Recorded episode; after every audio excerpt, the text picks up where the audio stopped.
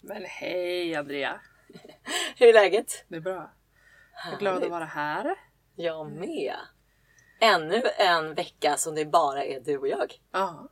Ah, only ladies. Johan sa ju att det var synd att han inte eh, kunde och bad om ursäkt för det. Typ. Men vi sa att vi, vi kommer faktiskt att klara oss Ja. även denna gång. Även om klarar oss. vi saknar honom. Ja, det gör vi. Det gör vi. Alltså gud vad roligt nu när vi sa hej Andrea, hej Anna. Då tänkte jag att jag skulle presentera mig med Hej Andrea alkoholist. Som man gör på mötena. Ja, jag vet. Har det hänt i något business-sammanhang att du har presenterat dig nej, fel? men jag jobbar ju med andra som har eh, samma problematik. Ja. Så där kan vi ju skoja om det.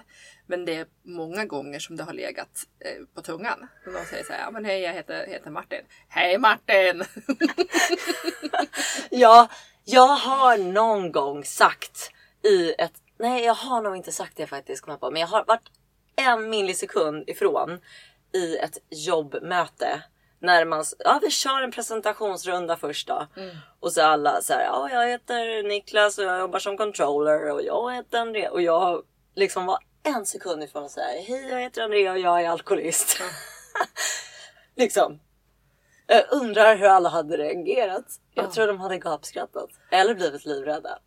Ja, och det skulle, väl, det skulle väl kunna ha varit ett litet int- intressant experiment. Få se hur, hur, hur de ser lite på sjukdomen eller ifall det är något moraliskt som man behöver skämmas över. Ja. Att de typ är såhär, gud vad hemskt att hon har avslöjat det här. För och därför sa hon sig. Ja, Jag sa i och för sig det i ett möte. Vilket var roligt också för det var med Absolut Vodka. mm. Eh, som jag var på och då var det liksom ett jobbmöte och jag jobbar ju med design så mötet handlade om huruvida jag skulle göra design till en ny spritsort som skulle lanseras och det har ju alltid varit min dröm i livet. Det är ju liksom ett sånt där prestigefyllt jobb att få jobba med ett spritvarumärke och göra en flaska liksom. Det var inte absolut vodka. Det har jag faktiskt varit med och jobbat med också, men i det här fallet var det någon någon annan produktkategori med lite så här, ah, inte så lyxig grej. Men då i mötet, jag var ganska nynykter och då är det liksom som att man har inte riktigt hittat sina gränser än. För vad som är personligt och vad som är privat. Mm. Så liksom i det här mötet med liksom en fransman, en svensk, en, ja, alla möjliga nationaliteter. Så berättar jag liksom att jag är alkoholist. Ehm, och de så här. But how is this gonna work? Liksom. Och det kan man ju fråga sig. Hur ska jag då kunna... eh, Alltså, jag kan ju såklart designa en flaska. En, en design för en spritflaska. Även om inte jag kommer dricka den. Ehm, men det- blev så rolig stämning. Alltså det blev så här. Det var den här. Men vadå? Ska, ska du aldrig dricka ett glas vin någonsin igen? Men vad gör du på nyårsafton? Men gud! Det blev liksom så, så roligt för hela mötet handlade sen om hur jag hanterar alla olika situationer i livet där man kanske vill dricka ett glas vin. Liksom. Ehm, och sen när jag gick därifrån jag bara fan varför sa jag det här? Nu kanske inte jag kommer få jobbet. Och sen efter ett tag så kände jag så här. Men det var nog meningen för jag tror inte att jag är redo att göra det här jobbet. Nej. Det var nog lite så att den här eh, det ploppade ut ur mig för det behövde komma upp att så här, jag är alkoholist. liksom nykter men Ja. och sen så fick jag inte jobbet och det var nog ganska bra faktiskt. ja. Så att det blir som det blir. Ja. Men nej, det här med att råka försäga sig, eh, eller försäga sig, råka säga att hej jag heter Andrea och jag är alkoholist. Det höll jag nästan på att göra faktiskt nu i helgen. Mhm. För jag var på Ibiza i helgen och, och där sa jag det till massa människor liksom. Nej men jag är nykter och sådär.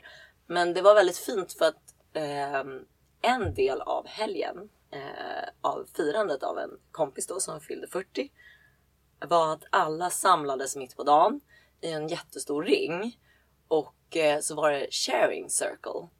Och då var det liksom som att alla fick dela antingen någonting om honom, han som fyllde år, eller någonting om sig själva eller sin sin- sinnesstämning just nu. Alltså Mm, superfint. Alltså det var verkligen så här. Ja, men sånt som vi är vana vid på möten. Mm. Och då, då kände jag när jag skulle, när jag räckte upp handen för att liksom dela, att jag var väldigt nära på att säga Hej, jag heter Andrea, jag är alkoholist. Mm. Istället för Hej, tack, grattis liksom. Mm. Men det hade nog inte gjort något. Nej. Men jag, jag tycker att det är, det är intressant för att jag säger det, inte, inte precis så att jag presenterar mig så här, hej jag heter Anna, jag är alkoholist. Men att det är i sammanhang eller situationer där jag inte har tänkt att det är någonting som behövs sägas eller jag ska säga det eller att, att det ändå blir Mm. så. Och sen så kan jag vara bara så här, ah. Men Förra året var det när, då hade jag precis relativt nyinflyttad och så skulle vi ha vår städning på gården. Och så skulle vi äta pizza eh, efteråt. Och då serverades öl också och så frågade någon ifall jag ville ha. Och det är jättelätt att bara säga så här, nej tack. Ja. Jag vill ha eh, vatten istället. Men då så kom det ur mig så här, ja men, nej men jag, jag dricker inte, jag är alkoholist. Och så var jag bara så här, men, ah, ah. Till grannarna. Ja, varför ska jag säga det här nu? Och så var jag bara så här, ja men varför inte? Varför inte? Heller. Exakt. Det finns ju någonting där inne som vill berätta det. En del är väl att man är stolt. Mm. En del är väl också att ehm, man vet att det finns ju faktiskt en, en risk eller en chans att den som lyssnar, som får höra det, det kanske kan rädda dens liv. Ja. Och om det, är, om det är så då att jag delar det och ingen, ing, alltså om det bara faller så här. Ah, Okej, här får du vatten och sen fortsätter vi prata om någonting annat. Då, Mm. Okej, då är det så. Men precis som du är inne på, är det då någon där som är bara jaha, okej, ja men hur, Mm. hur funkar det? Eller om det är någon som är nyfiken eller någon som känner igen sig i något, någon som Mm. berättar själv om en historia om någon i sin familj. Då kanske det är så att det fyllde en, en funktion och, och Mm. hjälpte Ja. någon. Eller, ja, förstår vad jag menar. Så att det Exakt. blir ju, jag tänker inte sitta och pracka på det bara för att jag är, är stolt över, över mitt eget Nej, hårda arbete i, i tillfrisknandet. Att jag mår bra. Nej. Men men det är inte något som du liksom eh, döljer heller. nej. Nej, men jag känner likadant. Uh, ja, det är verkligen intressant för att i början av min nykterhet då tyckte jag det var jättesvårt att säga. Förutom då på det där mötet med Absolut Vodka. Då hade jag tydligen väldigt lätt för det. Men det var liksom som att jag var eh, schizofren. Ena sekunden så tyckte jag att det var så jäkla skämmigt. Mm. Liksom, här går jag runt och är alkoholist. Alltså, fan vad pinsamt. Eller liksom, gud vad hemskt. Och andra sekunden var jag så sjukt stolt över att vara nykter. För att man känner ju det att så här, här har jag gått runt och lidit och nu tar jag faktiskt ansvar för mitt liv. liksom. Ja. Och jag har inte druckit på vad det nu var. Eh, tre månader eller vad det nu kunde vara. Eh, så att det är ju den här liksom ständiga dansen där i början och, och nu för tiden känner jag till 99 procent eh, bara så här. Jag är stolt. Det känns väldigt neutralt. Ja. Jag tänkte fråga det precis här. Finns det något tillfälle eller någon situation eller till någon där du i dagsläget frågar dig själv en extra gång?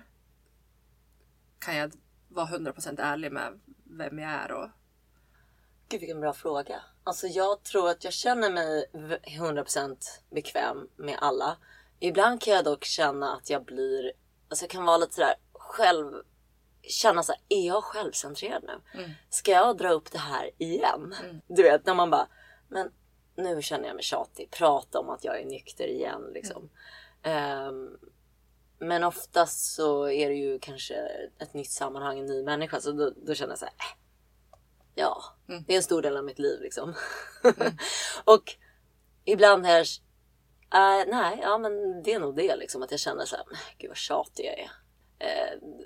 Jag har haft en period när jag var så här, ja, men jag ska testa att inte säga det bara för att se vad, vad pratar jag mest om då? typ.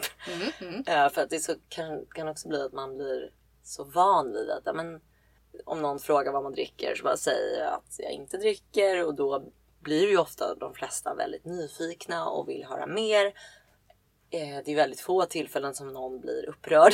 Det händer ju att folk blir så här.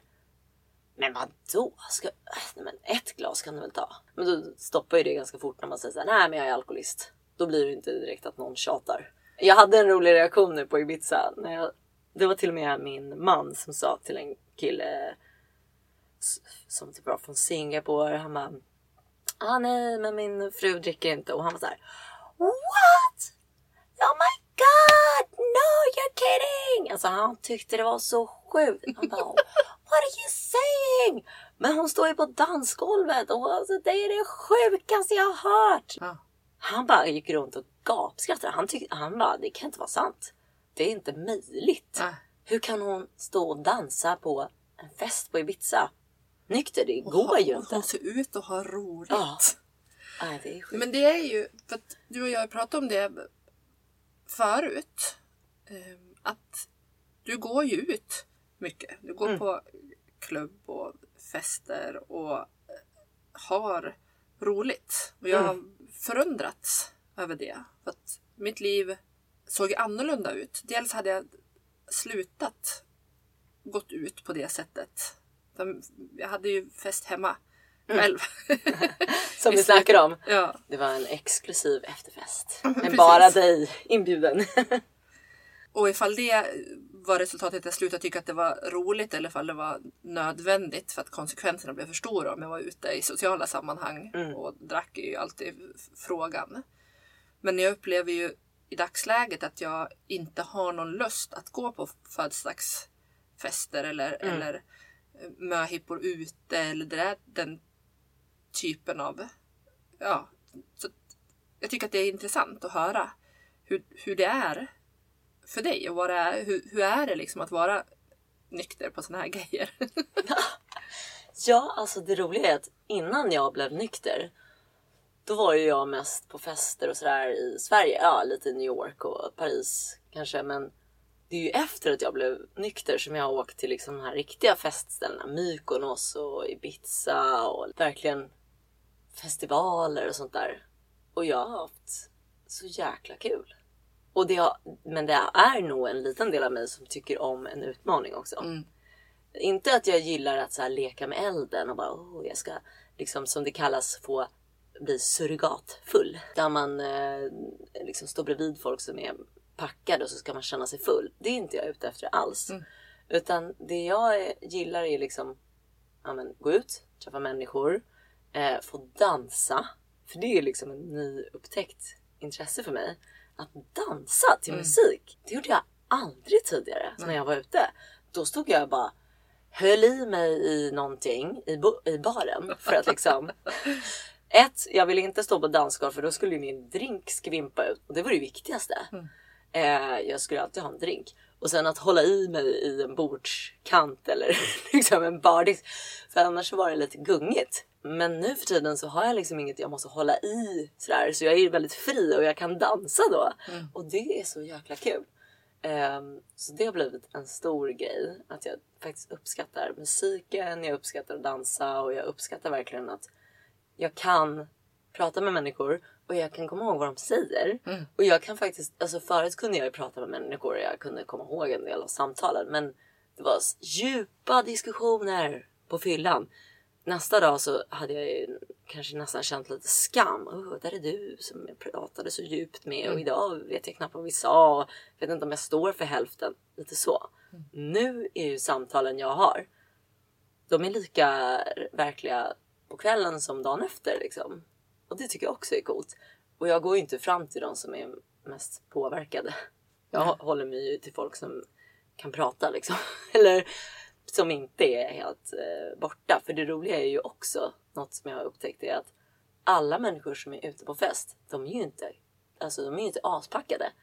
Jag trodde ju alltid att alla människor ute på fester var lika fulla som jag. Att det var hela havet stormar för alla på festen. Men så är det ju inte.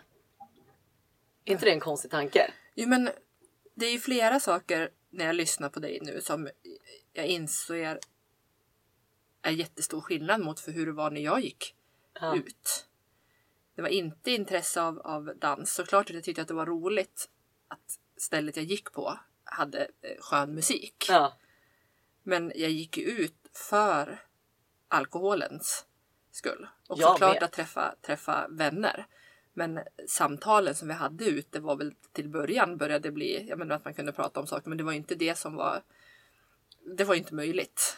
Nej. Utan det blev ju gå runt ja, och, och dricka mer och, och ja, ragga på grabbar om jag var singel. Exakt. Så att det hör jag ju när du säger nu att såklart att dansa är det är, något helt, det är något helt annat än att gå ut med ändamålet att bli full. Så att om mitt enda syfte med att gå ut var att bli full, såklart som jag säger då, på något sätt att ursäkta mig själv också umgås. Ja exakt, man Eh. har ju umgåtts också. Ja. Liksom. Men såklart att, det, att jag inte är något sugen på det längre. Om det var det enda. Då Ja. umgås jag ju hellre med, med vänner någon annanstans än Ja. ute på krogen. Ja Så men det- exakt. Ja, man behöver ju ha någon anledning till det och det är det du har, har hittat. Så då handlar det bytt. egentligen inte om alkohol överhuvudtaget. Nej. Okej. Mm, mm, det, Exakt. Och, och att, ehm, ja, att träffa människor, prata. Alltså, det jag tycker ju en, en rolig del också är ju när man pratar med någon och så frågar någon om man vill ha en drink eller ofta är jag ju mest med folk jag känner så då vet ju alla hur det ligger till. Men om det är någon ny människa. Det var jättemånga nu när jag var på Ibiza som eh, jag inte kände som jag hälsade på och som var jättenyfikna på att ja, men hur kan man vara nykter? Alltså jag tycker det är så häftigt att då få berätta det för någon som aldrig har träffat en nykter människa. Mm. Eh, och det kan faktiskt göra skillnad och det är det jag tycker är kul. Inte för att jag är ute för att jag vill frälsa människor och bara nu ska alla bli nyktra.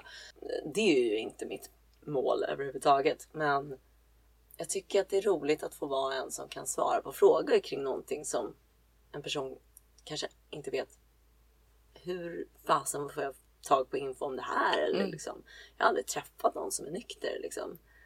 Och det känns bra. Och det var faktiskt en kompis, eh, en bekant då, då nu, nu på Ibiza. Som, eh, han bor i Singapore och eh, som jag träffade på en sån här fest på Ibiza för typ några år sedan. Och nu kom han och bara, nu är jag också nykter. Hur fint? Han bara, I joined your gang liksom. Ja. Hade varit nykter i ett år nu. ja. Det Och det är ser- fint. Ja. Nej men det som du säger, jag ska inte runt och, och, och frälsa men vi kan i alla fall vara levande exempel på att det funkar, det funkar. Och, leva gott och ha roligt. Ja. Eh, nykter. Och det är inte mitt liksom, främsta mål med att gå ut. Det är inte att säga nu ska jag göra reklam för nykterheten här bland alla er liksom, förlorade fall. Alltså nej, det har ju vi snackat om innan. Alltså, om vi kunde dricka som folk, då skulle vi göra det. Ja. Men vi har ju tappat, eh, förlorat förmågan. Fast det här är ju för sig intressant. Skulle du välja nu, som det ser ut nu, om du hade möjligheten att inte vara alkoholist Ja. eller fortsätta vara alkoholist. Skulle du välja då att inte vara alkoholist och bara vara en vanlig, normal människa? Jag vet att det blixtsnabbt, utan tvekan svar. Jag skulle fortsätta vara alkoholist. Det är så intressant. Det skulle jag också. Ja. Det finns ju någonting som kallas för typ the eraser theory. Och det är ju då det här att om man hade valet att bara sudda bort en hemsk eller jobbig upplevelse eller en, någonting som är en utmaning har varit en stor utmaning i ens liv. Skulle man ha valt det eller inte? Och typ 99% av alla människor svarar nej, jag vill ha varit med om den här upplevelsen eller jag vill ha den här utmaningen. Den här sjukdomen eller vad det nu har varit. För det är då man växer liksom. Wow. Den teorin har jag inte hört, men jag, jag köper ju. För att får jag frågan om jag ångrar någonting i mitt liv så är svaret nej. Sen kan jag önska att jag hade gjort saker annorlunda när det kommer till att jag faktiskt har sårat andra människor. Ja, Men det är ju allt det som har hänt som har gjort att jag har lärt mig att kunna nu göra annorlunda. ja att bli den du är idag. Ja. Att vi sitter här just nu. Jag vill inget. Jag vill inget hellre. Nej. Exakt. Ja, ja men det, alltså, det hade ju inte varit så att någon av oss hade gått eh, liksom vi kanske går på möte flera gånger i veckan nu eller sponsrar liksom andra tjejer och vi, vi pratar med varandra om nykterhet och vi har den här podden. Och det tar ju många timmar per vecka som vi lägger ner på att liksom, hålla oss eh, nyktra. Mm. Inte för att det är så här en kamp utan för att det är ett, ett härligt projekt. Eller det är så här, ett underhållsjobb precis som att fortsätta gå till gymmet även om man har blivit supervältränad. Eh, det är kul! Vi hade ju inte lagt ner flera timmar i veckan på personlig utveckling om vi inte hade varit tvungna från början. Då hade man ju gått runt där och inte lärt känna sig själv på, på det här djupet som vi båda har gjort. Men också kanske haft massa... Vi pratade ju med din kille innan så här, att um, han var så här, men alla har väl beroenden av olika slag. Och då blir ju, då blir ju också frågan så här hur man använder det ordet. Pratar man om beroende liksom i allmän slarvig slarvigt term eller pratar man om att man har fått en, en kronisk sjukdom? Mm. Eh, beroendesjukdomen. Och det tror jag inte riktigt han, han menade men att, men att alla har sätt att hantera saker i sitt liv. Ja. Och det tar utlopp på massa olika sätt. Att man hoppar fina grejer eller man åker på dyra resor för att kompensera för någonting annat eller man tränar för hit och dit. Alltså, det gör ju... Ja men exakt, alla har ju sina coping mechanism Ja, och de är väl bara eh, olika grader av mycket konsekvens. Mm. Våra hade, våran coping mechanism var ju att dricka alkohol för att hantera vissa känslor. Och konsekvensen av den coping mekanismen, det fanns ganska mycket jobbiga konsekvenser. Mm. Men om man har så här, men jag gillar att äta en Marabou chokladkaka en gång i veckan för att liksom chilla ner lite. Det kanske inte är så jättestor konsekvens. nej. Men eh, ja, det roliga är ju att du nämnde ju att det finns ett eh, tolvstegsprogram för rökare. Ja. Det hade jag ingen aning om. Nej. Och min coach Bengt, han har sagt någon gång att det finns i USA i alla fall eh, typ över 200 olika sorters eh, tolvstegsprogram Ja. för olika sorters beroenden. Och då så sa han Ja. faktiskt att ett av de roligaste, eller det måste vara fruktansvärt, men det mest speciella beroendet som han hade hört om som folk söker hjälp för, det är människor som inte kan få nog av att äta eh, madrass. Alltså, du vet, madrasser. Alltså de här skumgummimadrasser. Alltså de Det kan inte sluta liksom bara bita och tugga på det för det är typ knastrar. Jag vet inte. Så, eh, och det är så gulligt Ja, men, vad vi gör liksom. ja. Och, och det är väl det som jag är tacksam för då till och med. Alltså frågan där så här, skulle du, om du fick sudda ut någonting, eh, välja att inte ha blivit alkoholist? Så svaret nej, för tack vare det så har jag fått verktyg för att kunna hantera allt i mitt liv. Och precis som du ska, jag skulle inte ha gjort allt och göra allting nu om det inte hade kommit till den gränsen. Men de här Nej. verktygen använder jag för precis allt. För sorg, för motgångar, för ja, Mm. alla möjliga grejer. Så väl det som är, jag inte hade någon aning om innan jag kom in i programmet. Jag trodde att det bara handlade om att kunna hantera ett liv utan alkohol. Men det är som jag sagt många gånger och kommer väl säga många gånger till. Det försvinner eller det hanterar vi i det första steget. Sen är resten att lära sig att leva livet Mm. På livets villkor. Och det önskar Mm. jag ju det önskar jag ju alla. Så det, är väl, det är väl jättehäftigt om det kan bli 12 steg för många olika delar. Jag såg faktiskt i veckan de 12 stegen eh, i, mot ångest. Mhm. Det var rätt intressant formulerat. Men det som var intressant var att det fanns ingen andlig aspekt i det.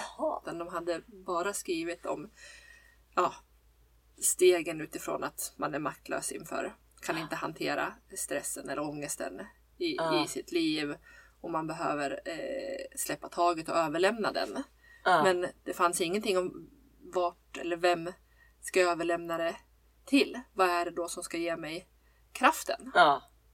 Så att Gud Att, att kunna, kunna se att det behövs steg i form av att rannsaka sig själv och vara ärlig och förstå att man inte kan påverka allting. Ja, Men det som, det som för mig har gjort att det här ens har varit möjligt är att jag behövt lämna över det till någonting som inte är jag. Någonting Ja. som är större än mig själv. Ja. Så det blev jag lite nyfiken och konfunderad över. Att man använder sig av tolvstegen men, men skippar den andliga andliga, biten. andliga biten. För Ja, mig funkar inte det. Nej, inte för mig heller. Alltså gud vad roligt att du tar upp det. För det, den frågan kan ju jag, alltså den här andliga biten som eh, handlar om Gud liksom, eller en högre makt. Det är väl det enda, om man återkopplar till det vi pratade om förut, när du frågade om jag kan hålla mig från att prata om nykterhet ibland. Alltså det är väl just det ämnet som jag ibland kan känna att vissa människor har ju redan bestämt sig för att så här, det där med tolvstegsprogrammet, det är ett religiöst gäng. Eh, för att någon har någon gång hört att det nämns ordet Gud. Eh, och då kan det vara så himla svårt att få, få folk som har redan har bestämt sig för att det är ett religiöst eh, program. Att förstå att nej, det har ingenting med religion att göra. Religion är ju liksom olika sorters tro på kristendom eller islam eller hinduer eller vad man nu är för inom olika religioner. Det tolvstegsprogrammet är, är ju ett andligt program. Det har ingenting med olika religioner att göra. Det, det kan ju samsas massa olika religioner under det paraplyet. Alltså tolvstegsprogrammet. Men det har inget att göra med någon religion. Det enda det handlar om är ju att hitta en andlighet.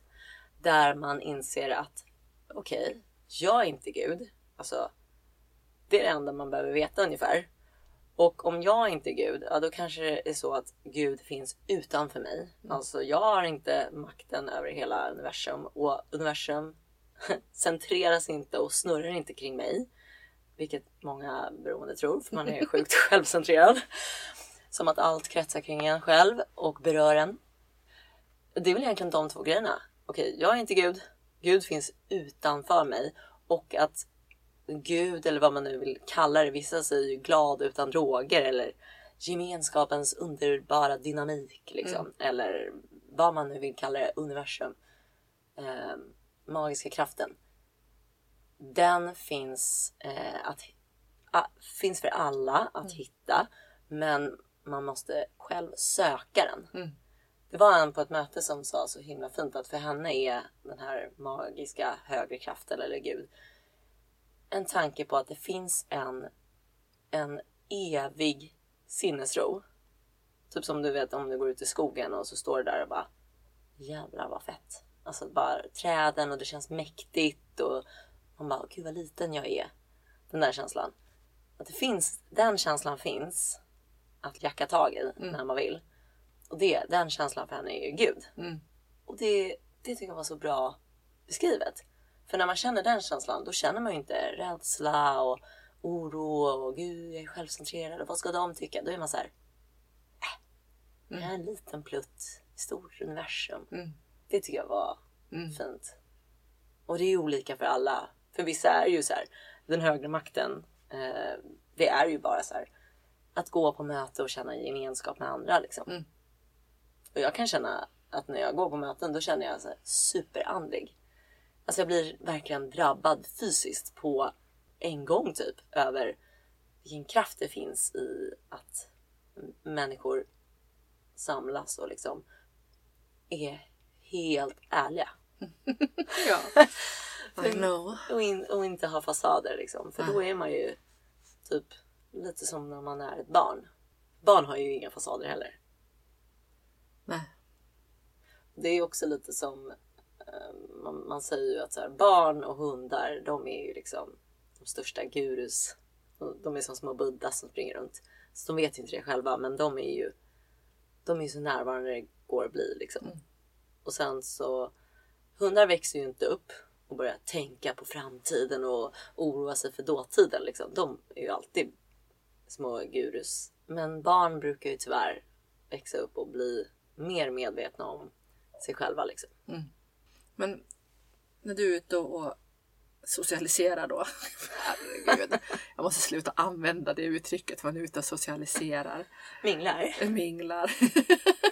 hänger, med, hänger med människor. Alltså mitt värsta är eh, svänger de lurviga. Oh no! Det är så vidrigt. Ja men är ute och minglar och Ja. svänger de lurviga och socialiserar. Jag är... Jag upplever mig inte vara så bra på det. Nej. Ehm, eller så bekväm i det. Och... Har det jag, alltid varit så? ja, men det var det jag försökte tänka på nu eftersom jag alltid har druckit. Så har jag ju haft det som en, en något, någon mötesplats i, i det. Jag, jag, jag upplever att utan alkoholen så har jag inte samma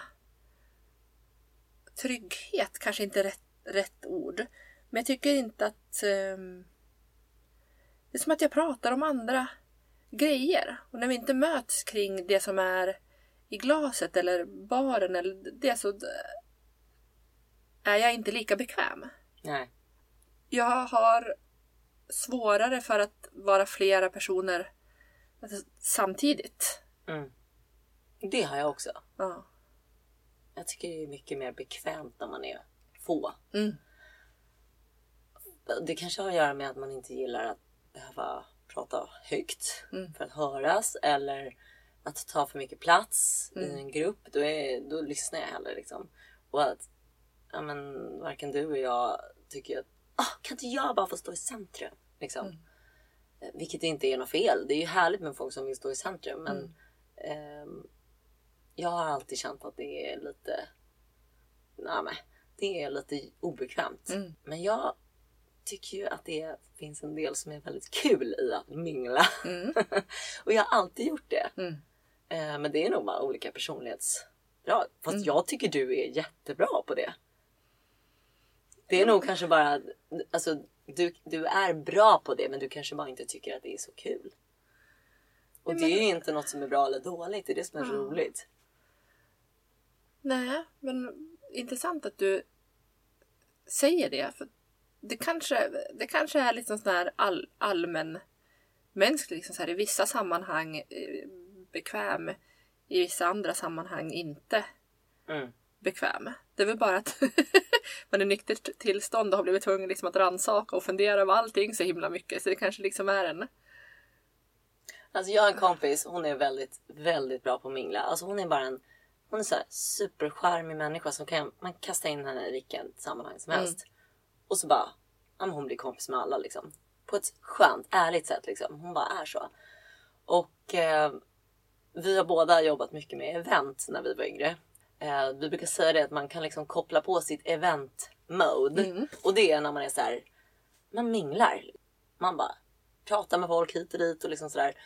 Skillnaden mellan henne och mig är att jag kan koppla på mitt event mode och prata och mingla och grejer.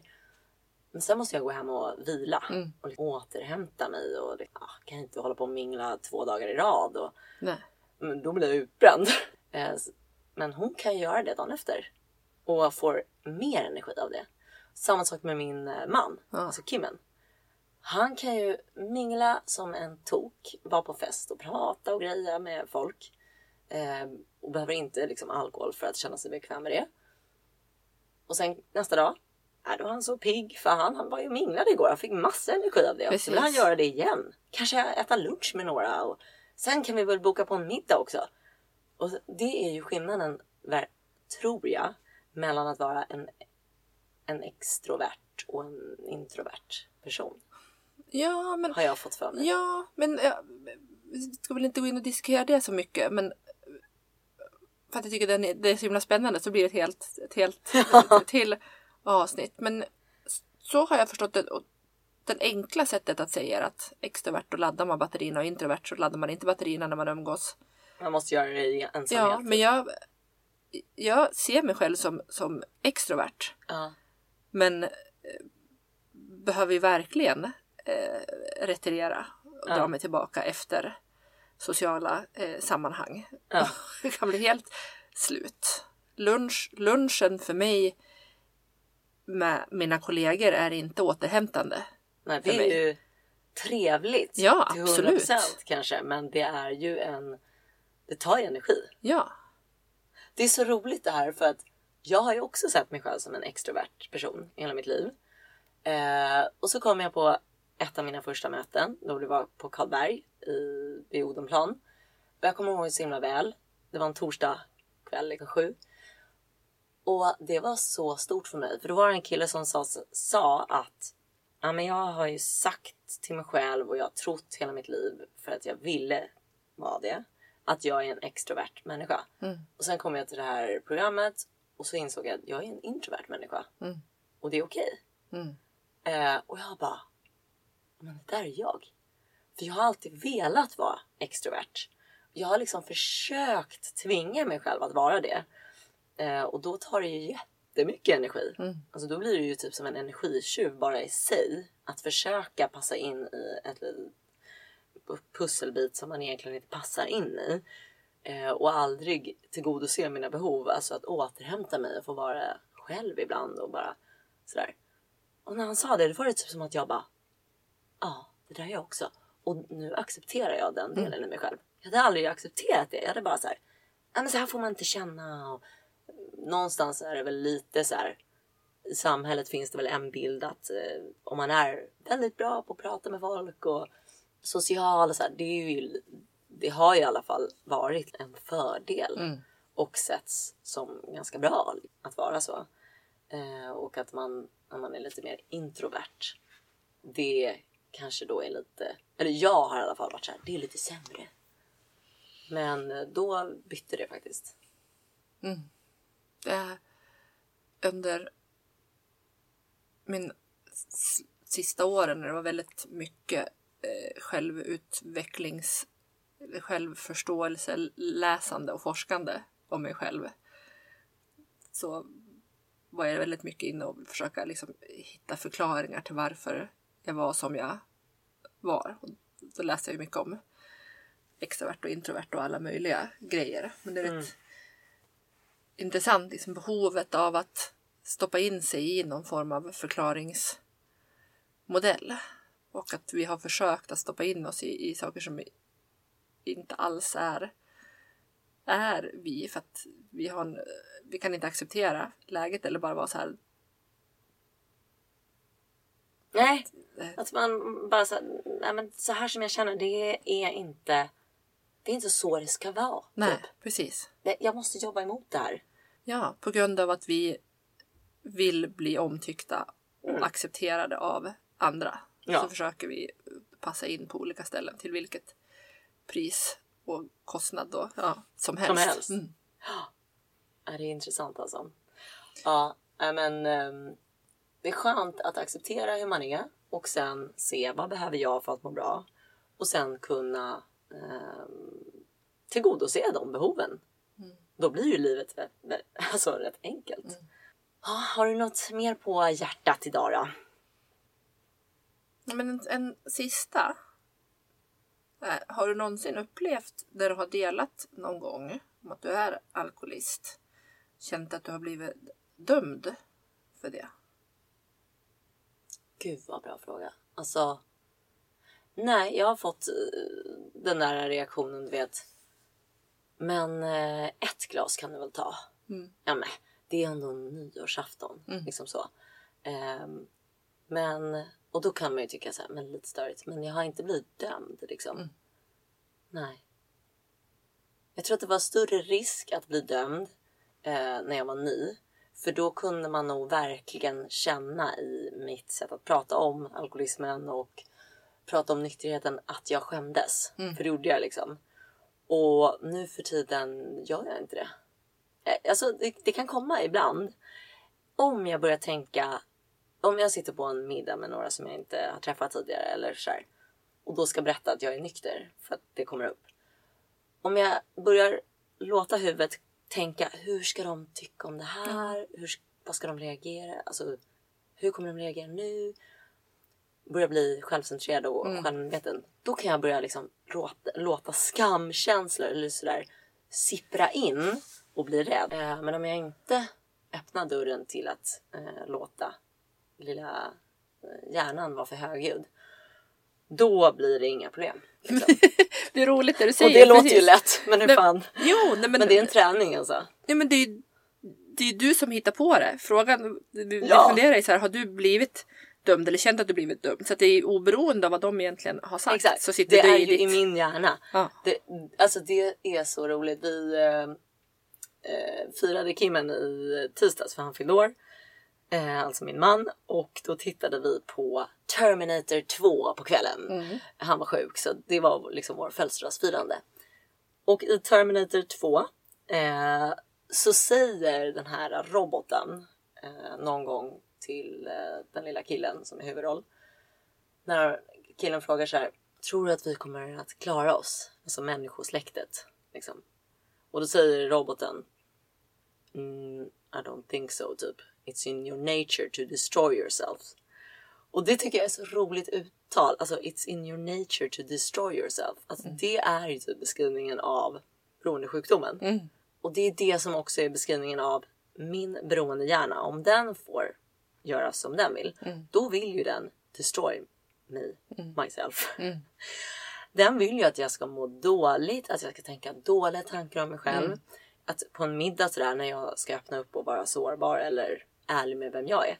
Nej, då ska jag fan skämmas över det. liksom, det vill ju den. Eh, för det, det som händer då är att då kommer jag isolera mig. Kommer inte våga vara mig själv. För det, den personen duger ju inte. Till slut så kommer jag känna mig så ensam och olycklig att jag behöver dricka. Ja. Och det är ju bränslet som, som beroende sjukdomen behöver. Ja. Jag tycker det är så jävla... Varje gång jag sett... Ja, jag har sett Terminator 2 ganska många gånger. Och varje gång jag sett den så tänker jag alltid på att han beskriver ju där beroendesjukdomen. Ja. Jag tog ju med en, en bok som jag läste på tuben på vägen Mm. hit. Flodhästen i vardagsrummet heter den.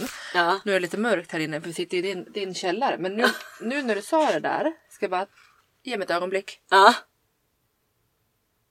Så här beskrev han det i boken. Trots att sjukdomen framskrider långsamt verkar den ändå framskrida säkert. Den är som en bläckfisk som målmedvetet drar till sig sitt byte med hjälp av sina armar för att krama det till döds.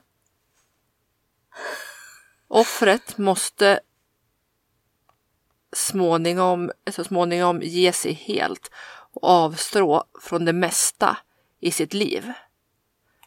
Alltså vad vidrigt. Ja. Och det Ja, men finns det. Ja, och det, det är precis så. Och jag behöver hela tiden bli påmind om, om eh, allvaret i sjukdomen. Ja. Och eh, som avslutning så vill jag också skicka med precis det som jag frågade Andrea om. Om hon har upplevt sig dömd utifrån. Vi pratar inte om inifrån då för att det är vi mästare och döma Nej, oss exakt. själva. Men utifrån känns det dömd, dömd när du har delat med dig av att du är alkoholist. Det som vi har sett som den mest liksom, fruktansvärda att någonsin dela med sig av. Det har inte jag heller. Nej. Och vi började med att prata om hur många vi faktiskt berättar det här för. Att det slipper liksom ut lite hit och dit och när som helst. Kan knappt hålla mig. Nej. Men vi har inte blivit dömda. Det som var vår största rädsla. Så Ja. det är okej. Och det kommer att, att gå bra ifall du som lyssnar sitter nu och, och är rädd för att berätta för dig själv eller dela Ja. med dig till någon, någon eh, annan. Så Verkligen. Ver- Verkligen bra att du eh, sa det och avslutade med det. För att jag har ju faktiskt bara fått positiva reaktioner. typ. Förutom någon som undrade där hur, hur kan du inte dricka på nyårsafton? Men ja. då vet Alltså, man ju att det ligger hos den. Hur Liksom. kan, hur kan du leva livet? Hur fungerar det? Kan du någonsin ha roligt? Ja, allt det där. Men Mm. det, det är ju mer rädsla från någon annan än, än, än att döma Ja. mig. Och ofta med nyfikenhet. Mm. Liksom. Att säga, hur, hur går det till? Mm. Ja, nej. Fantastiskt. Tack för idag. Tack för idag och trevlig helg gänget! Juhu! Hej!